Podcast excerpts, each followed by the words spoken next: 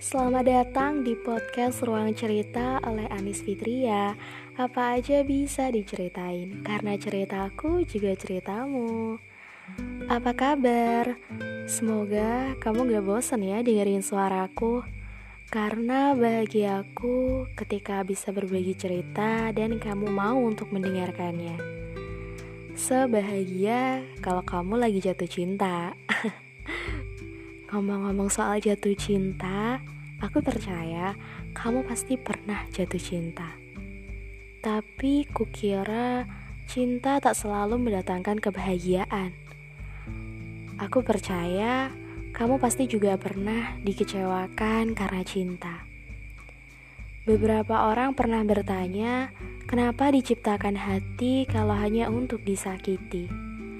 Tapi menurutku, Hati memang diciptakan untuk bisa merasakan sakit. Karena dengan rasa sakit itu, hati menjadi semakin kuat, semakin kokoh, dan mudah sembuh ketika ada yang mematahkan. Tapi kadang juga ada yang sulit sekali untuk sembuh ketika ada seseorang yang menggoreskan luka.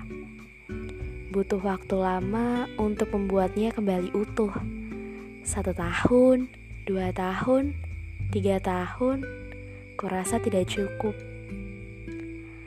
Aku juga pernah dikecewakan karena cinta.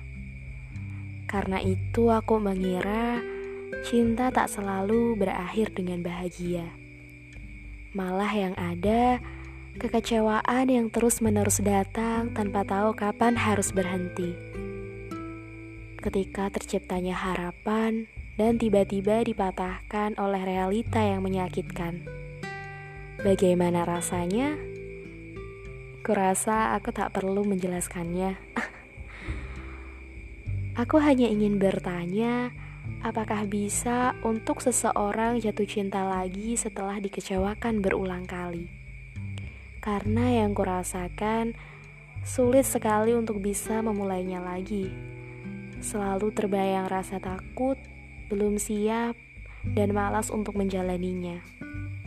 Malas untuk beradaptasi kembali dengan orang baru, menjelaskan apa yang aku suka dan apa yang tidak aku suka.